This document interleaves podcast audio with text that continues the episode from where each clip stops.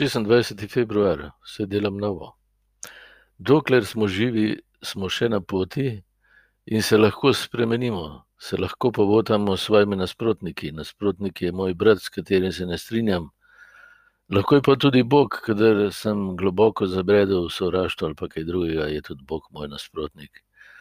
Ampak eh, evangelij, najprej pa prerok Ezekiel pravi, da Gospod noče smrti grešnika, podobneža, ampak želi, da se spreobrne in živi. In eh, Jezus potem v evangeliju to pokaže, uresniči. Ko se grešniki Jezusu približajo, kaj takoj dojamajo, da se lahko spremenijo, da je ta možnost odprta, da ni nedosegljiva. To pomeni, to velja tudi za me in za te. Eh, hudič nam vse čas govori, ah, se, se ne bo spremenil, je kar je, se bo kriv, da si tak.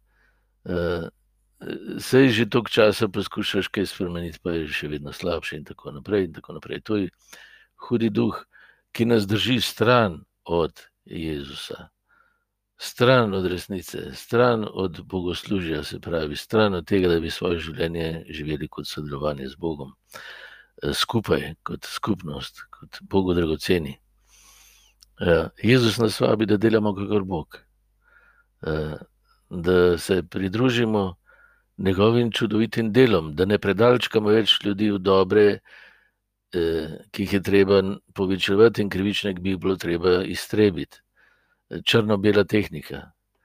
Tega ni, Jezus ne deluje tako, on tega ne izžreva. On vsakem vidi brata, ki mu ponudi priložnost, da se spremeni, da se spreobrne, da postane spreobrnjeni grešnik, tisti, ki živi iz tega, da je božja ljubezen 100% in absolutna, in da lahko živimo v skupnosti bratih in sestrah, ki so taki, kot so.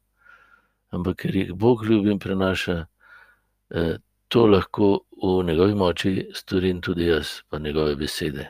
V to nas vabi bogoslužje posnega časa.